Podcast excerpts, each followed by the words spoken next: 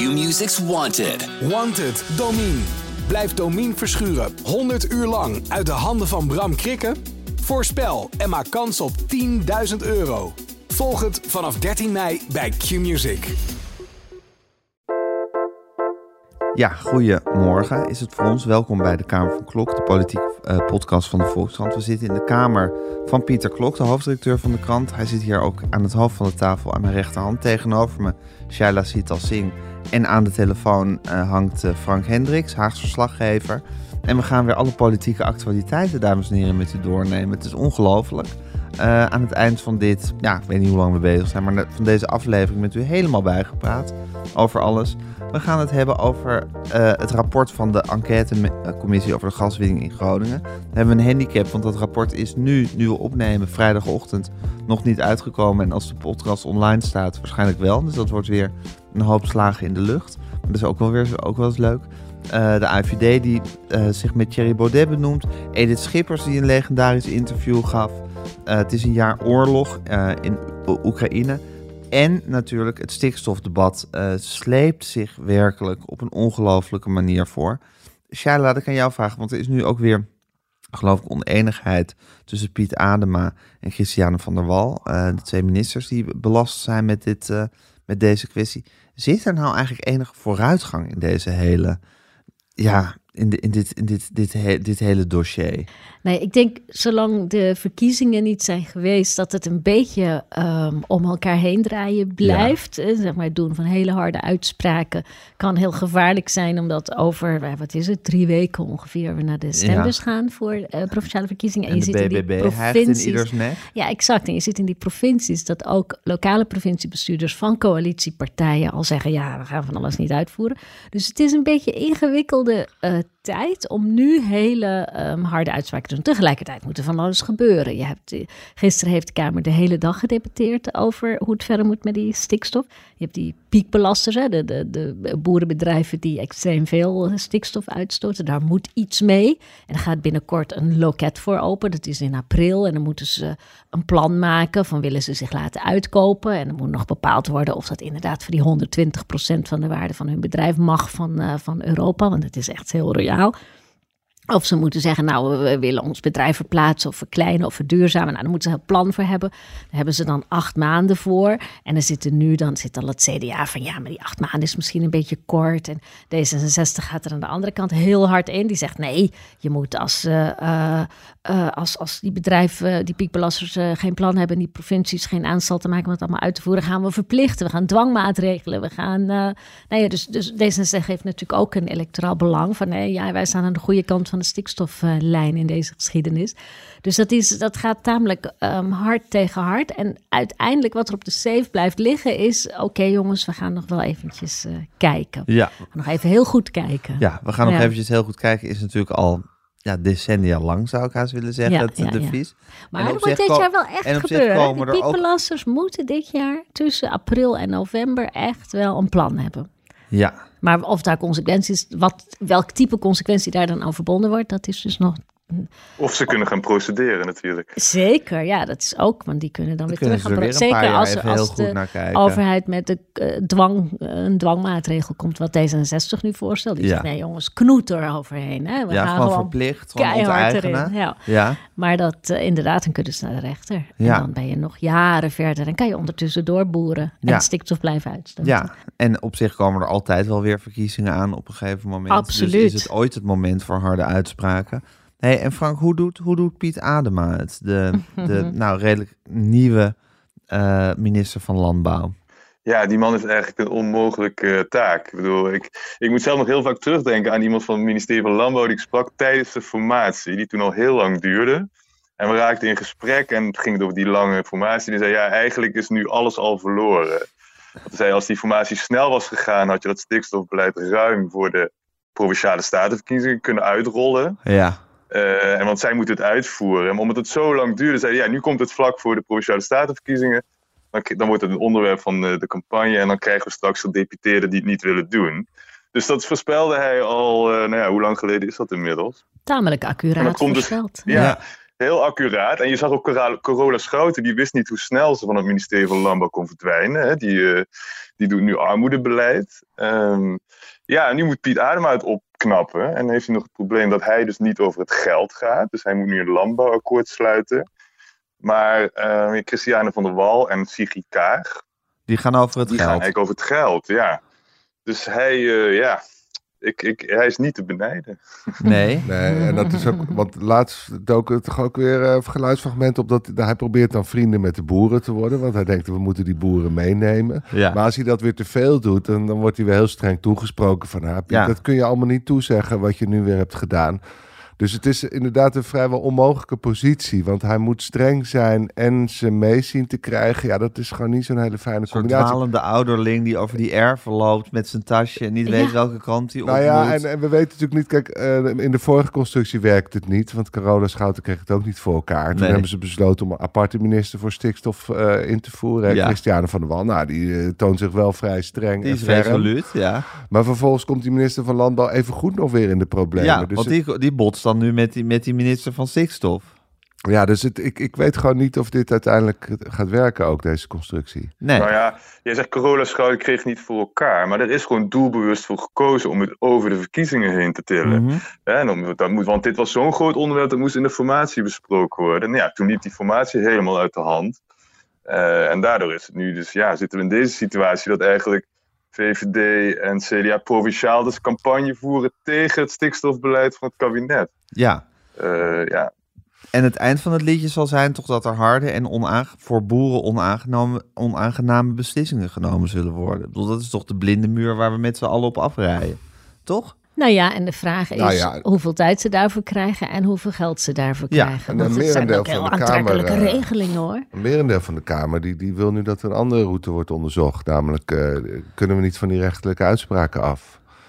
Eh, gaan, gaan Nederlanders niet te snel naar de rechter om zich te beklagen? ja, dat is op zich ook wel weer een, een, een originele uitweg. Hè? Dat je gewoon het, het recht eh, ja, Nou ja, annuleert. het, het, het is wel interessant, vind ik. Want normaal als je als Kamer merkt dat de wetten die je hebt ingevoerd een ongewenste uitwerking hebben, dan hè, via de rechter, dan kun Ja. je de, ja, dan is het logisch die zegt, dan gaan we de wetten veranderen.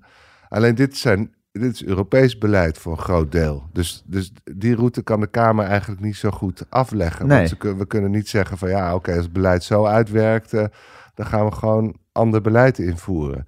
Dus uit frustratie daarover denken ze nu van, nou, dan gaan we wel zorgen dat de rechter eh, een beetje aan banden wordt gelegd bij het eh, handhaven van die Europese wetten. Ja, dat is rechtsstatelijk volgens mij. En hoe willen ze dat dan precies doen? Nou, kijk, eh, eh, volgens mij, eh, ja, ik ben geen jurist, maar, maar er de, de, de staat gewoon in de wet geschreven dat je eh, een bepaald recht hebt om, eh, ja, om- om naar de rechter te gaan en, Ja. en namens de samenleving naar de rechter te gaan. Zeker. En zij werpen de vraag op, ja, maar opereren deze mensen wel namens de samenleving? Eh, en, en dat is op zich ook een rare vraag, want het recht is, is heel erg op individuen gericht. Iedereen mag in principe eh, laten checken of een overheid zich aan de Zeker. En eigen dan, betaalt, en dan bepaalt de rechter of het inderdaad volgens de wet is of niet. Ja, maar je ziet wel, het, het leidt wel weer tot extra eh, ja, ruis en, en ru- rumoer. En, en dat misschien mensen ook denken van ja, waarom moeten we eigenlijk, waarom mag die rechter dit eigenlijk zomaar beslissen? Ja, dat is draagt het natuurlijk allemaal aan bij. Dus is het, toch wel heel wonderlijk, hè, Het is gekkigheid. Het komt En van dat is de ook wel een beetje ondermijning van de rechtsstaat. Helemaal. En Ja. het, het komt van de SGP, de, de partij die zich altijd erop laat voorstaan dat ze nou ja, heel precies eh, het staatsrecht eh, volgen en kennen. En nou ja, die, dat is ook een soort cliché in de Kamer geworden. Van nou ja, als we niet weten hoe het zit, dan vragen we het aan de SGP. Dan Ja. kun je, eh, dit cliché kun je nu ook wel bijzetten in het, eh, in het museum. Ehm, en waar- ze heel erg op aansturen, het is, het is een, een motie die is door de SGP ingediend en een, een meerderheid van de Tweede Kamer vindt het eigenlijk wel een heel goed idee. Maar goed, het is de vraag of het uitvoerbaar is.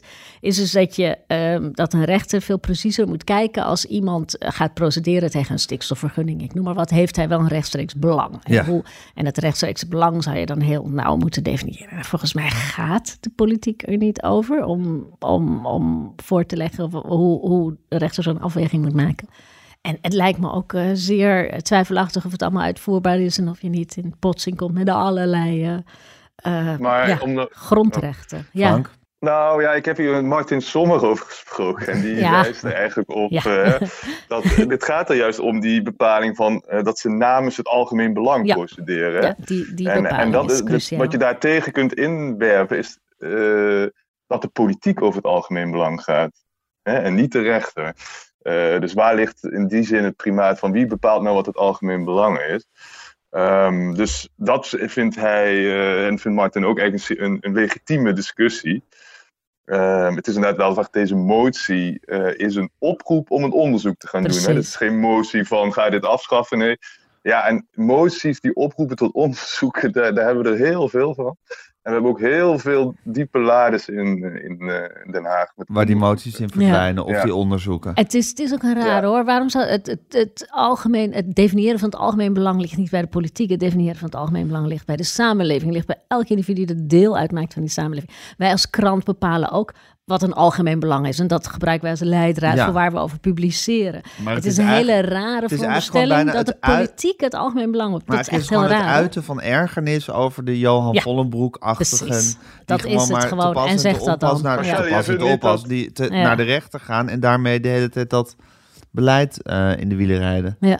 Maar je vindt niet dat het de ge- volksvertegenwoordiging, de, de, de, de democratisch gekozen volksvertegenwoordiging, het algemeen belang het meest in Benaderd. het oog zou moeten houden? Die houdt het algemeen belang in het oog, maar die is niet de ultieme, ehm, eh, de, degene die daar de ultieme uitspraak over doet. Daarvoor hebben we ook een rechterlijke eh, macht om in de gaten te houden of eh, de, de, de boven ons gestelde de, de, de- niet ontsporen. En als je, als je parallellen trekt met ehm, eh, de enquête in Groningen waar we het over hebben gehad, daar was toch altijd door de politiek gedefinieerd algemeen belang, zoveel mogelijk geld verdienen en die eh, Groningers kunnen erin zakken. Nou ja, daarvan hebben we toch ook, zijn we toch ook tot een voortschrijdend inzicht gekomen dat dat niet een, een heel erg ehm, precieze formulering van een algemeen belang was. En dat is wel door de Kamer altijd gesteund geweest. Ja. Dus je kunt niet per definitie zeggen dat een volksvertegenwoordiging altijd ehm, het algemeen belang goed voor ogen heeft en niet kan dwalen. Ik stel voor dat Pieter Klok een kooigevecht organiseert Nou- tussen Martin Sommer en Shaila Ja, ja, ik, ik, vind het, ik, vind het, uitvechten. ik vind het toch ook wel een moeilijke discussie, moet ik zeggen. Want inmiddels eh, denk ik, eh, meer dan de helft van Nederland vindt die stikstofregels gewoon veel te streng. Ja. Eh, als dit de schade is, kunnen we die regels dan niet veranderen? Ik denk toch dat er meer dan de helft inmiddels van ook het electoraat die mening is toegedaan. Eh, en dat is natuurlijk best wel lastig uit te leggen aan een bevolking. Als je zegt, ja, ja ik zie dat meer dan de helft van jullie dit eh, hele heel slechte regels vinden... die, die, die een hele sector om zeep helpen en, en de natuur te veel beschermen. Maar we kunnen hier toch niks aan doen, mensen... want dit is ooit eh, heel veel kabinetten geleden in Europa besloten. Dus daar hebben we ons bij neer te leggen. Ik begrijp dat, ik, ik, ik begrijp dat dat een moeilijke boodschap is... die heel moeilijk overeind te houden is. Eh, dus daar zit wel spanning. En je voelt die spanning gewoon oplopen. En, en in die zin is dit, is dit een heel relevant debat... wat misschien wel gevoerd moet worden. Precies zoals wij het hier proberen te voeren. Van ja, eh, eh, is inderdaad... moet het primaat voor, voor het hoeden over het algemeen belang... in de Kamer liggen of bij de rechter? Ja, maar dit is toch ook een meerdere beetje de essentie van de politiek om af en toe ook impopulaire maatregelen door te voeren.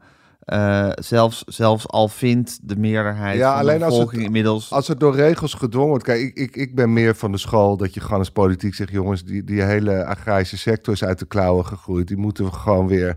Hè, die belast het milieu in Nederland veel te zwaar. Ja, Dat moet, dat moet gewoon inkrimpen vanuit Ja. een soort overtuiging. En niet vanuit een idee van ja, het moet nu eenmaal van de eh, regeltjes in Brussel. Want dat, die tweede route, die, die werkt gewoon niet zo goed. En, en, en dat is ook wat te begrijpen dat die niet zo goed werkt.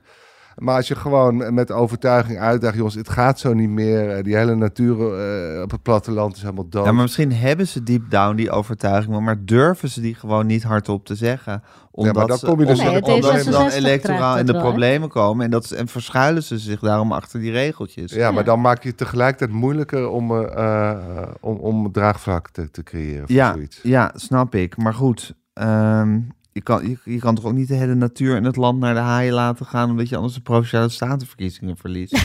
ja, Het kan wel, want het ja oké, het kan wel, Goeie maar... samenvatting Ja. van dit debat. Ja. Ja, Nee, maar je, nou, in welke, tot welke school behoor jij? Ja, ik ben dus geen expert, dus ik vind, we hadden het er op de redactie over. En toen Eh, ja, toen bracht Martin dit in. Maar ik moet zeggen dat ik, ik, ik heb me er onvoldoende in verdiend om hier nu... Eh, ja, ja. Om hier een keihard oordeel Ah, je over ziet te het ja, natuurlijk keihard definitief oordeel over Ja. te vellen, ja. Ja. Dat is jammer. Ja. Wat wou je Ja. nog zeggen, Pieter? Nou, ik vind wel dat het debat gevoerd moet worden. Want je zag het bij eh, die agenda-uitspraak natuurlijk ook al. Hè, dat, dat de agenda zei van, eh, ja, luister, kabinet, eh, je moet je aan Parijs houden. En dat doen jullie niet, dus we gaan naar de rechter. En de rechter zei, ja, jullie moeten je wel aan Parijs houden. En eh, nou, daar zag je ook die vraag van, ja, maar als de helft van Nederland vervolgens zegt, eh, eh, dit is te hoge prijs om ons aan Parijs te houden. Wat moet je dan doen als politiek? En, en dat vind ik gewoon wel een ingewikkelde discussie, waar je het best over kan hebben nog. Zonder, Ja. zonder meteen te zeggen van dat is de bijl aan de wortel van de rechtsstaat of dit pad moeten we niet op. Of, wa- want het is ook nieuw terrein. Hè? Er zijn wel partijen die, die voor zaken naar de rechter gaan waar, waar we vroeger niet voor naar de rechter gingen. Ja. Ja, ik blijf het toch lastig vinden dat, dat, dat, als, er- dat als er tegenwind is, dat je als politicus dan maar moet inbinden. Daar en, ben ik en met je je. er, en je er- nee, dat is, dat, maar dat is een andere kant van het verhaal. Ja. Dat ben ik met Maar je het is wel zo dat, dat Ja, wordt gezegd dat bijvoorbeeld in Duitsland hebben ze nog geen stikstofprobleem, omdat daar veel minder geprocedeerd wordt.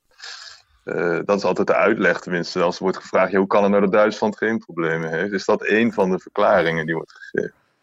Ja, een van de verklaringen is ook dat Duitsland gewoon een stuk groter is, toch? Dus dat er veel meer eh, ruimte is voor, eh, voor hun eh, agrarische sector. Ja, maar Johan Vollebroek Ah, goed. verdient wel alle credits voordat dit hier zo op scherp is komen te staan. Ja, Eh, alle, ja. cre- alle Niet credits iedereen of heeft- alle, alle kritiek. Dat is, Nou ja, ook alle credits. Niet iedereen heeft een Johan Vollebroek die zo heel precies alle wetten gaat bestuderen en, en, en heel scherp ziet als de, de Europese afspraken worden Ja. overtreden. Ja. Nou goed, het is een slepende affaire. En we kijken hoe die zich eh, voortsleept. Jullie voorspelling is eigenlijk dat er gewoon de komende tijd nog even heel goed en zorgvuldig naar gekeken wordt. Maar goed, op een gegeven moment zal de wal. Oh, een ik maak per ongeluk een woordgrap. Kijk, zal de wal ja, het schip, eh, hem het meteen. schip toch. eh, Nou, keer. uit. Hè. We hadden vandaag ook weer de directeur van de Rotterdamse haven in de krant. Die zegt, ja, ik kan ook niks meer. Ik, Ja. moet, ik moet eh, nieuwe, moderne installaties bouwen. En dat, Ja. dus dus het, als het de komende tijd echt vast gaat lopen, ook al die nieuwbouwprojecten, ja, dan komt er wel heel veel druk op te Ja, staan. dat gaat draaien. En de VVD is echt, die wil ook wel gewoon dat het bedrijfsleven kan doorpakken. Om nog maar, maar nog begin eens jij, een, begin jij een beetje naar de gebruiken. stikstofontkenning eh, te neigen? Begin je, begin, begin je een beetje een Nee. stikstofwappie te worden, Pieter? Stikstof. Nee, ja, nee, nee, nee. Nee, maar ik, vind, ik, eh, ik, ik ben er ook altijd zeer aan gehecht om het land een beetje bij elkaar te houden. Ja, ja. En, eh, en, en ik zie wel dat dit een enorme splijtvorm dreigt te worden. Dus, Ja, en dan kan je wel harder gaan duwen, hè, wat Cheer de Groot van D66 doet. Maar ik weet toch niet of dat uiteindelijk niet nog veel meer schade aanricht. Dus als je... Nee, en, en, en ik, en je ziet ook dat Luister, het ik heb meerdere stagneert. keren benadrukt, die, die, die agrarische sector is, die moet echt aan banden worden gelegd. Dat, Ja. dat is overduidelijk. Op alle terreinen zie je Ja. dat dat niet houdbaar is. Ja, En, en- maar dat moet inderdaad meer uit overtuiging, Uit gebeuren, overtuiging dan- eh, gebeuren, zeg dan jij. uit regelfetichisme. Ja. Want dat doen ze eigenlijk. Ja, en dan zeggen ze, eh, ja, maar die rechter... En, en dan zegt de bevolking natuurlijk, ja, maar waarom heeft die rechter zoveel macht? Maar dat komt omdat je als politiek niet uitstraalt van... nee, wij, wij hebben de macht en wij doen het uit overtuiging. Ja, En ik zal Ja, en nog dan is het toch heel raar dat je de rechter aan banden legt, omdat jij je overtuiging niet kan overdragen. Het is echt een bizar debat. Ja, dit. maar eh, goed. ik heb dus liever dat een politicus dit met de overtuiging verdedigt. ja. Ja, er zijn er genoeg een die hele het met politiek overtuiging filosofische verdedigen. kwestie begint te worden, eh zo langzamerhand. Maar eh, dat stikstofwappie, eh, ik probeer je genuanceerd Ja, te sorry. houden. sorry. Nee, ik neem dat stikstof, dat ze die stikstofwappie... Hij ziet er nu heel gekwetst uit. Ik vind Ja, toch, ik sorry, vind dat gaat natuurlijk veel te Maar ver om de Ja. hoofdredacteur van de Volkskrant een Ja. stikstofwappie te noemen. Ik neem dat terug. Die woorden waren voor mijn verantwoordelijkheid. En eh, Pieter Klok is geen stikstofwappie. Sorry, het, was, het kwam in Ah, mijn ja. hoofd. En het was, ik heb misschien wel iets te veel begrip voor, eh, voor de tegenbeweging. Dat Volgens mag mij je me wel eet hij ook vegetarisch. Volgens mij. Wie, Pieter? Ja, volgens mij Ach, wel. jezus. Ehm, we houden deze discussie... Ja, we kunnen niet anders. We houden hem in de gaten, want het is het, eh, gewoon het grote... eh, de grote politieke kwestie. Ondertussen, jongens, het is nu, zoals gezegd, vrijdagochtend. Inmiddels is het rapport van de enquêtecommissie over gaswinning in Groningen... is, eh, als u deze podcast hoort, uitgekomen. Als we hem opnemen, is, hij nog niet, is het nog niet uitgekomen. Ehm, eh, maar het is natuurlijk een belangrijke enquête en een eh, ja, soort, toch ook een soort eh, essentieel ding in hoe de politiek heeft gefunctioneerd de afgelopen jaren. Denk jij, Frank, dat het politiek explosief gaat worden? Nou, iedereen gaat ervan uit dat het een heel hard, de, heel hard rapport wordt. hè. Mhm. Het gaat natuurlijk over een, over een hele lange periode ook, bijna 60 jaar gaswinning. En eh, ja, het is inmiddels wel een beetje traditie dat als er zo'n hard eh, rapport komt van een parlementair onderzoek, dat dan iemand opstapt. Moet er geofferd worden. Ja, bij de toeslagenaffaire. Nou, ik kan me ook nog de Vira-enquête herinneren. Dat de arme Wilma Mansveld, die er eigenlijk helemaal niks mee te maken had, maar toevallig net op die post was beland, eh, ook eh, ja, weer terug naar Groningen werd gestuurd. Met een enkeltje met de dienstauto. Ja. En nu is het natuurlijk, zit Hans Veilbrief daar. Hij is politiek verantwoordelijk. Dus dat zou kunnen dat. Hij heeft zelf ook wel eens over gesproken. Van nou ja, als Kamer nou vindt dat ik een sta in de weg ben, dan eh, ben ik bereid op te stappen. Ehm, maar ja, je hoort er ook wel binnen het kabinet van.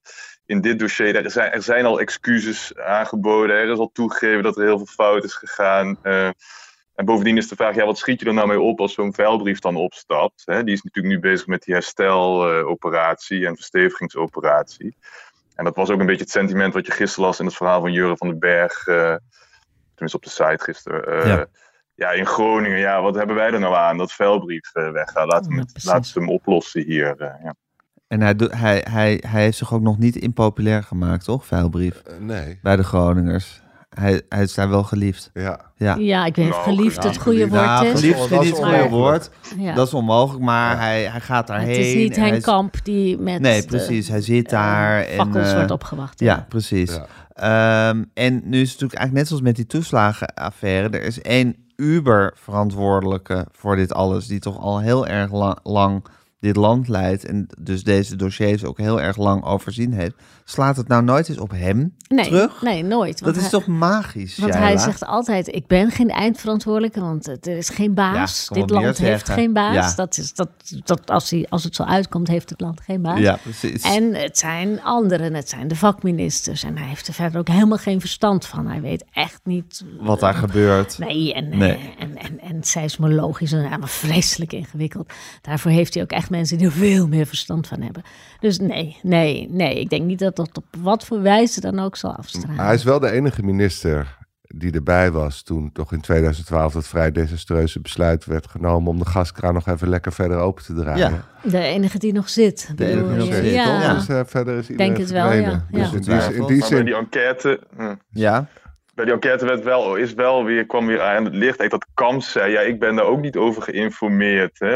Het zijn eigenlijk de ambtenaren die dat uiteindelijk... Het was niet eens echt een beslissing. Het was gewoon, het, er kan zoveel gepompt worden, dus doen we het. Dus ik geloof, en Rutte die heeft getuigd volgens mij ook toen, ik heb dat voor toen gevolgd, eh, vijf uur lang, ja, bijna niks gezegd eigenlijk. Dus ja, ik ben benieuwd inderdaad of dit... eh, Dit besluit overkwam hen. ja. Dat, dat komt Ja, het uit. was een soort trein. niet. Ja. Ja. En bijna niks eh, zeggen op de moment suprême. Dat is natuurlijk zijn, eh, zijn specialiteit. Eh, ik, was, ik kan dat op dit moment niet meer reconstrueren. Ja, was dit, was Oh ja. dit. Ja, hij had heel slecht geheugen plotseling Ja, weer. Dat was heel bijzonder. herinnering. Ja. Ehm, maar goed, het, ja, het, is, het, is, eh, het, is, het, is, het is wel weer een, een, een blijk van zijn Houdini-kwaliteiten. Als hij, hier, als hij ook hier toch weer ongeschonden uitkomt, toch, Shaila? Ja, nou ja, of Houdini-kwaliteiten. ehm, eh, ik weet het niet of je het als iets heel positiefs moet zien. Ik zeg het ook Ehm, helemaal niet als iets positiefs. Nee. Maar het, eh, het- het- wat de Groningers zeggen is: eh, kom nou maar gewoon door met die hersteloperatie en doe dat alsjeblieft een beetje goed. En wat blijkt is dat, wat je ziet, dat zie je bij het herstel van de ehm, eh, slachtoffers van de toeslagenaffaire. Je ziet het ook weer bij de hersteloperatie hier. Dat dat ook zo bureaucratisch en ingewikkeld is, eh, dat je mensen daar echt krankzinnig mee kan maken. Ja. En dat dat dan niet meer terug te voeren is op onwil. Kijk, bij dat pompen kon je nog zeggen, daar zit ergens nog een soort wil, een soort diepe wil om te pompen. Ja. Daar zit een soort besluit achter, en een idee achter, en een ideologie achter. En daar zijn die Groningers gewoon slachtoffer van. Ja. Maar bij die hersteloperatie, dat geldt zowel bij die eh toeslagen slachtoffers als bij Groningen. Er zijn interessante parallellen tussen kun je nergens iemand aanwijzen die dat bewust traineert, of die dat eigenlijk niet wil, of die diep in zijn hart vindt dat die mensen niet gecompenseerd moeten worden. Maar er is gewoon bureaucratisch, organisatorisch, hebben we dit land zo ingewikkeld gemaakt dat het niet lukt Ja. om mensen eh, te compenseren of, of te, nou ja, te, te, te helpen op een, of andere, op een of andere manier genoegdoening uh, te, te verschaffen. En dat is heel interessant. Dat Ja. dit in de uitvoering vastloopt op in een zee van goede bedoelingen. Van iedereen Ja, wil echt heus. wel- Er zit geen Halfzachte goede bedoelingen. er zit geen enkele kwaadwilligheid Nee. meer bij. Die heeft er ongetwijfeld bij gezeten in het verleden. Ja. Of, of dubbele belangen. Dat is eigenlijk weg. En toch loopt het vast in een moeras van onuitvoerbaarheid. Nou, dat is het grote raadsel Ja, van de overheid van nu. ja. En dat, ja, god, eh, Lubbers heeft het gezegd, de overheid is, eh, of de Nederland is ziek. Ik De vind, de, Nederlandse is overheid is echt ziek. Ze komen er gewoon uit heel veel kwesties komen ze niet meer uit. Dus, dus de, de aanpak die we hadden, die werkt niet goed meer. Eh, we maken het veel te complex. Eh, altijd, eh, als de dood wil het heel netjes doen en dat niemand geld krijgt waar hij geen recht op heeft. En, en, en het loopt gewoon vast. Dus da- daar heb je echt, en ik, ik ben benieuwd waar die commissie mee komt, daar heb je een fundamenteel ander verhaal bij nodig. Mhm. Ja, ja, Jurre van den Berg, die, die gisteren al in de dagelijkse podcast die, die, die legde na afloop uit. Kijk, bijvoorbeeld, er is één partij die hier vrij goed in is, hè, schadeherstel en afhandeling. Dat zijn namelijk grote verzekeraars. Die hebben hier al eh, eeuwen over nagedacht hoe je dat op een goede manier doet. Dus die hebben al heel snel besloten, kleine schades tot een bepaald bedrag, daar moet je niet naar omkijken, moet je gewoon die rekening in principe vergoeden. En dan moet je steeksproefgewijs nog even kijken of daar niks raars tussen zit. Eh, dus een van die, als we al meteen bij de verzekeraars langs waren geweest, had die kunnen uitleggen. Nou, eh, ons advies, doe alles tot, tot eh, weet ik veel, 30 30.000 euro of 20, weet ik. Ja. Gewoon Ja, eh, zo en, en beperk je tot de ingewikkelde zaken. Dat had misschien geholpen. Maar je zit hier natuurlijk ook in de verhouding tussen de burger en de overheid. We, we, we weten niet meer hoe we die goed vorm moeten geven. We slingeren heen en weer tussen te veel wantrouwen. Hè, wat zag je bij toeslagaffaire en dan weer t- ja, maar te veel vertrouwen. We, we komen er niet meer zo goed uit. Hoe je op een goede manier met je burgers omgaat. En wat je daarin kunt toestaan. Hè, kun je daarin toestaan dat er soms individuen zijn die dan toch... Ja, sorry jongens... eh, ja, jullie zijn hier net eh, slachtoffer van, eh, maar we moeten ergens ook eh, generieke regelingen invoeren, want anders redden we het niet. Nou, dat soort gesprekken vinden we heel moeilijk, want als er weer één iemand is die er net weer heel slecht van uitkomt, dat willen we niet. Dus ook daar zijn vooral goede intenties. Hè. We willen het heel graag dan eerlijk doen. Bij ja. En de omgekeerd. vraag Maar ja, het is ook wel heel erg... Kun je, kun je de ultieme eerlijkheid bereiken? En dan krijg je ook weer het gebruik, dan probeer je het met het gebruik van data misschien te doen. Dan hopen ze, als we goed naar data kijken, kunnen we heel precies kijken waar iedereen recht op heeft. Nou ja, er gebeuren ook wel ongelukken mee, hebben we gezien. Dus ook hoe je data incorporeert in het overheidsbeleid, daar komen we ook niet uit. ICT-systemen komen we niet uit, want die hebben ook al de neiging. Zie je hetzelfde? hè? Die willen we ook heel gedetailleerd doen. Dat al onze regelingetjes erin Ja, passen en alles alle moet het op de uitzonderingen. komma nauwkeurig. En dan, en dan ontspoort zo'n ICT-project weer. Nou goed. eh, Maar de gemene deler is eigenlijk geld binnenhalen of mensen uitknijpen gaat heel goed. Ja, dat zijn we best mensen goed compenseren of geld teruggeven verzandt in een woud van regeltjes en alles moet eerlijk en er mag niemand een euro te veel krijgen enzovoorts. Ja. Dus het is de ene kant op heel makkelijk, de andere kant op heel ingewikkeld. Ja, en je wil ook niet dat mensen binnenlopen... of dat er dan een jaar later grote krantenkoppen zijn... Nee. van nou, iedereen is eh, miljonair geworden.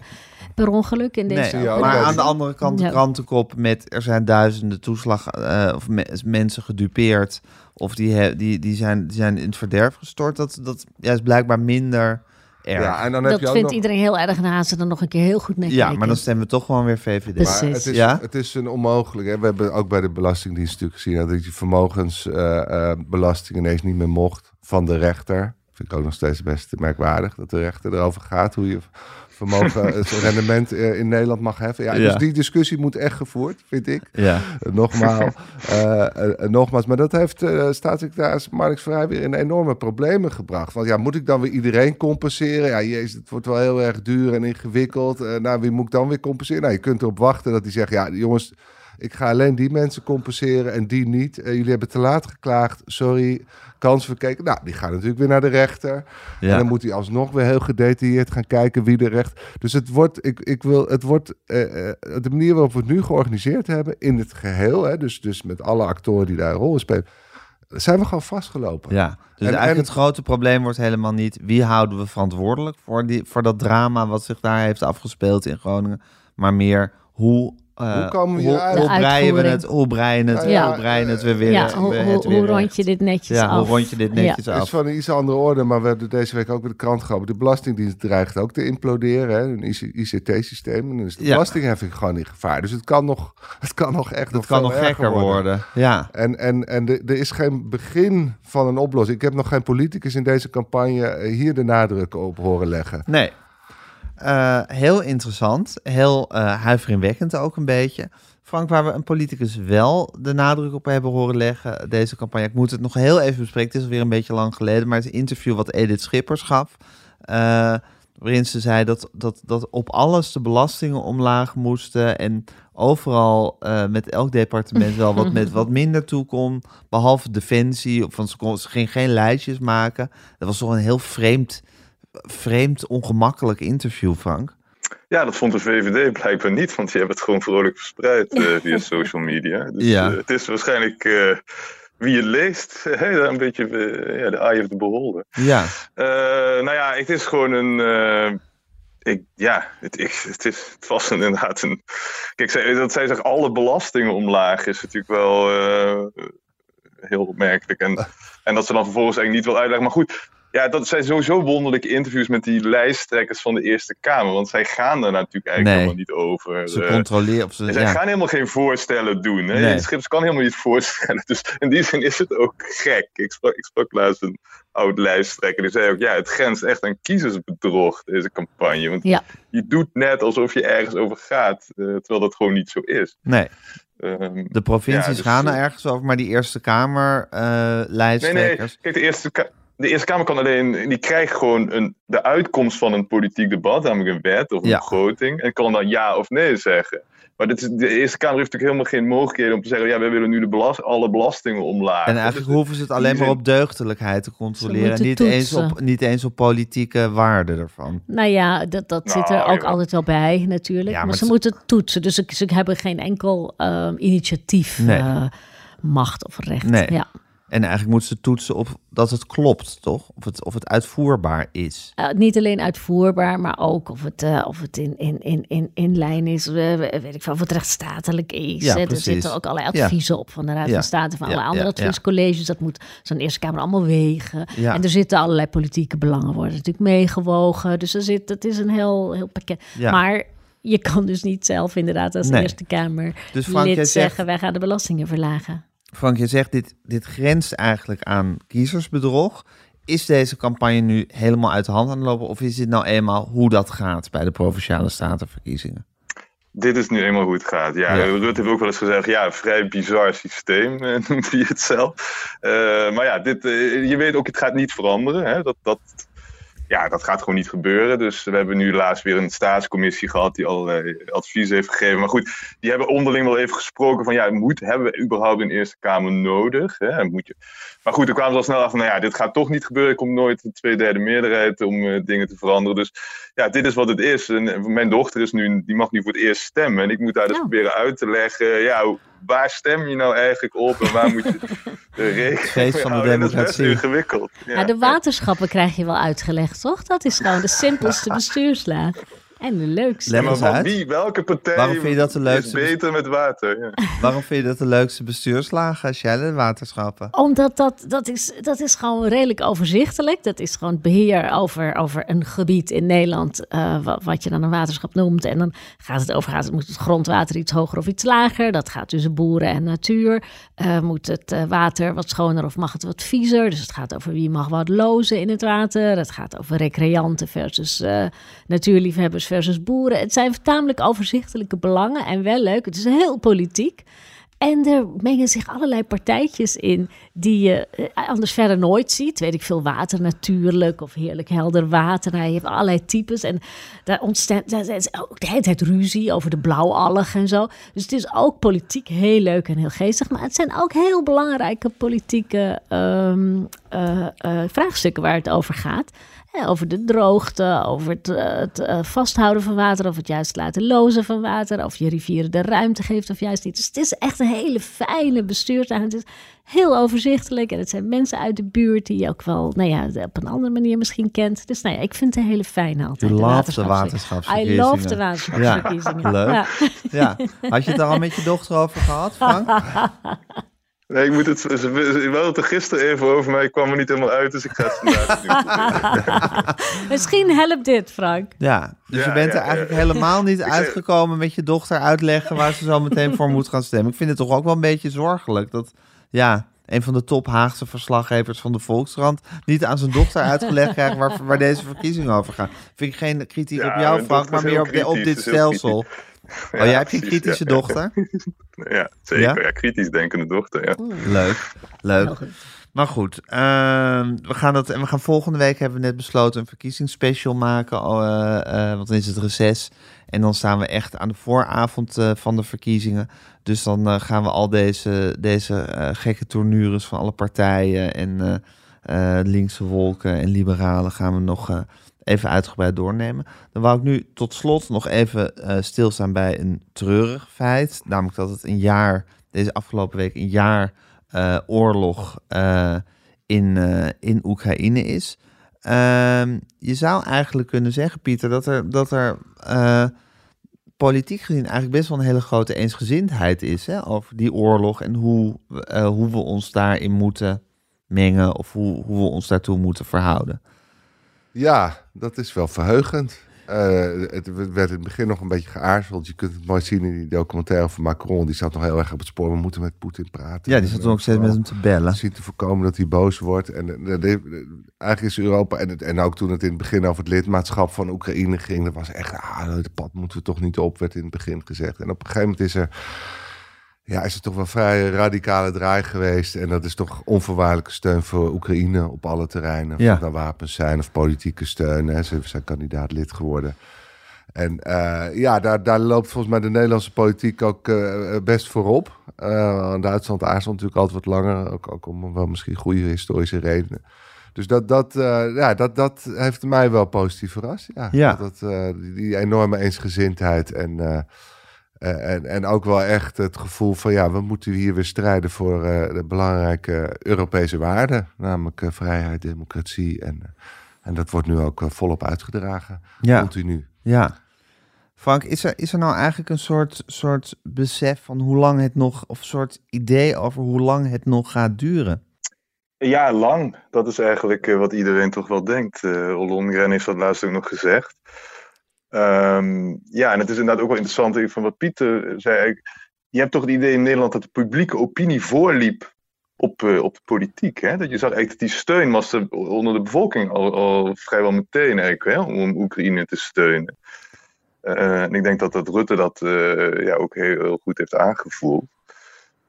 En ook de vrees dat dat na verloop van tijd dan eh, oorlogsmoeheid zou optreden, zie je eigenlijk nog niet terug eh, in onderzoeken. Dus dat is, eh, ja, hoe, dat, hoe je dat precies moet verklaren, weet ik niet, maar dat is toch wel opmerkelijk. Ja, dus in eh, hierin is er een vrij grote politieke eensgezindheid en ook onder de bevolking over dat er gewoon dat, dat Oekraïne gesteund moet worden.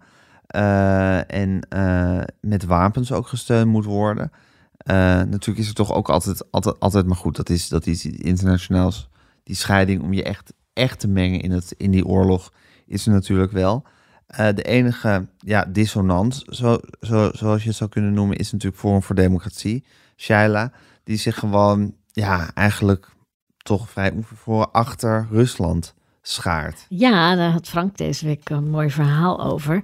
Ehm, maar eh, ik, ik wil nog heel Eén even, even eh, terug naar die Oekraïne-oorlog. Het is ook heel erg een eigen belang van ons dat, je, dat we Rusland ehm, nou ja, niet te ver laten oprukken Europa in. Eh, we hadden ook het rapport van de MIVD, de Militaire Inlichting en Veiligheidsdienst, eh, vorige week. Dat um, Russen op allerlei manieren aan sabotage doen. Ook van ons, ook van uh, windmolens op zee en al die kabels die uh, onder de Noordzee lopen en die ons internetvoorziening uh, doen. nou ja, die, we, we, hebben die, die pijpleiding die was opgeblazen, vermoedelijk Russische sabotage. Dus dat we ook, en, en heeft vorige week weer een aantal um, Russische diplomaten uitgezet die spionnen waren. We worden op allerlei manieren hier ook bespioneerd, gesaboteerd enzovoort door de Russen. Mm -hmm. En nou ja, Frank gaat daar een mooi staaltje van deze week. Frank. ja, mag jij je staaltje met, uh, ja, het was een staaltje samen met Huik Modderkop. Ja. Maar um, ja, nee, inderdaad. Is het, wij ontdekten dat de AIVD ja, toch dusdanig bezorgd was over de interesse van de Russische inlichtingendienst in Thierry Baudet. Dat ze nou ja, contact met hem hebben gezocht, uh, een gesprek met hem hebben gevoerd om hem te waarschuwen dat hij een doelwit was.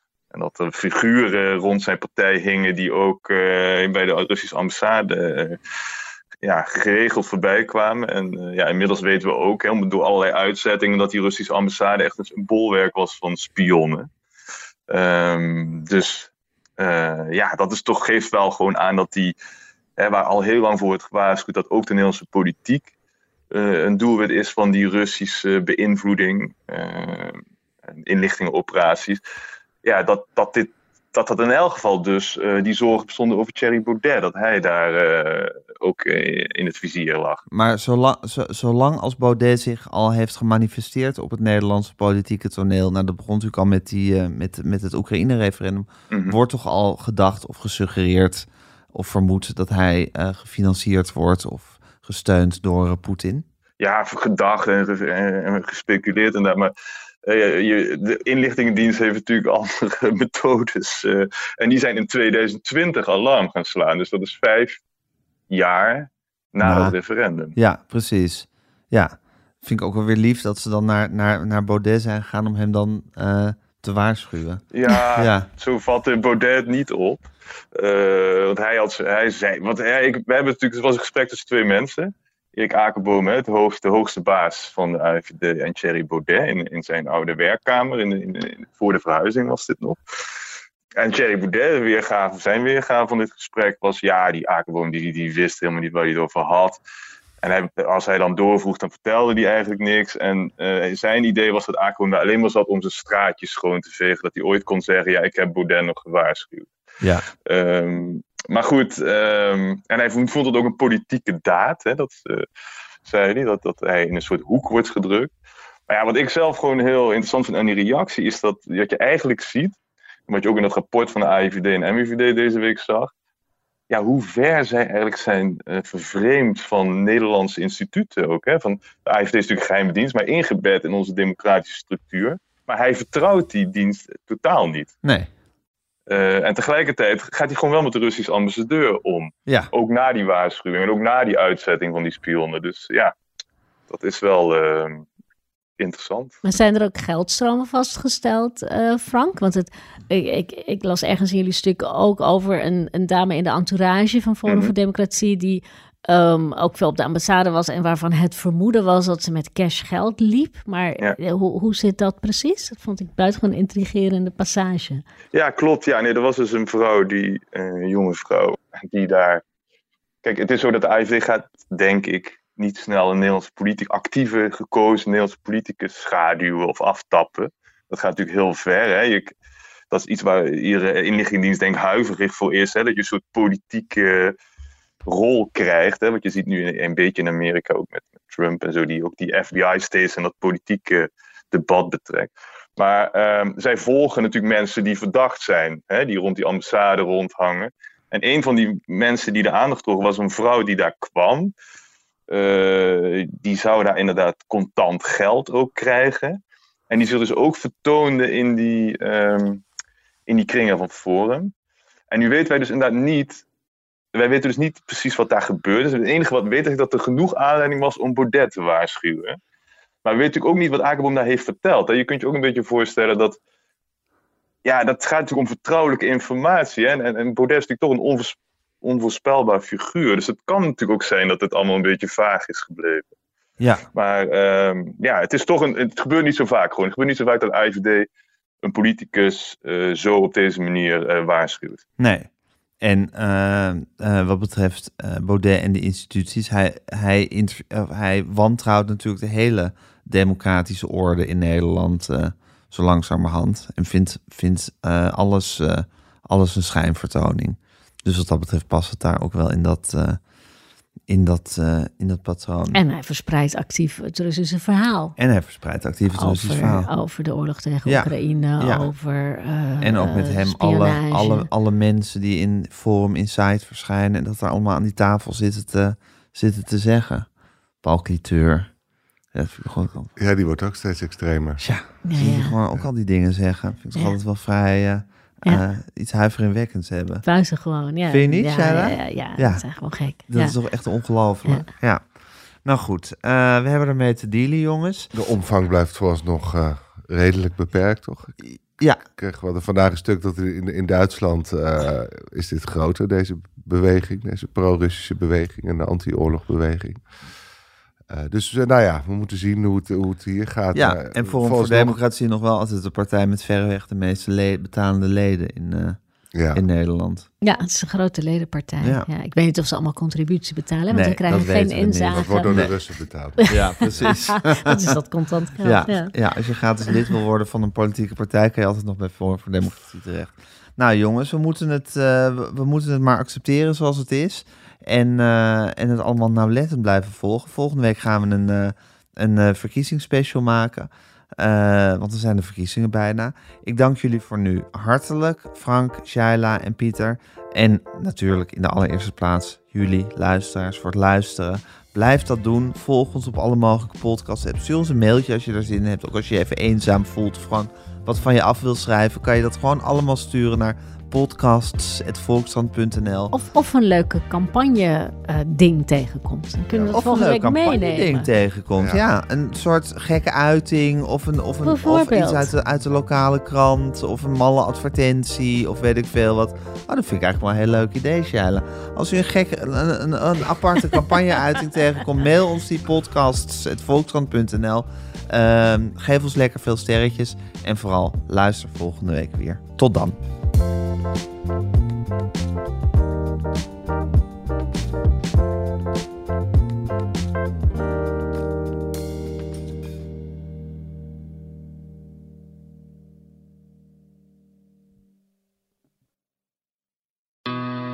Q-Music's Wanted. Wanted, Domine.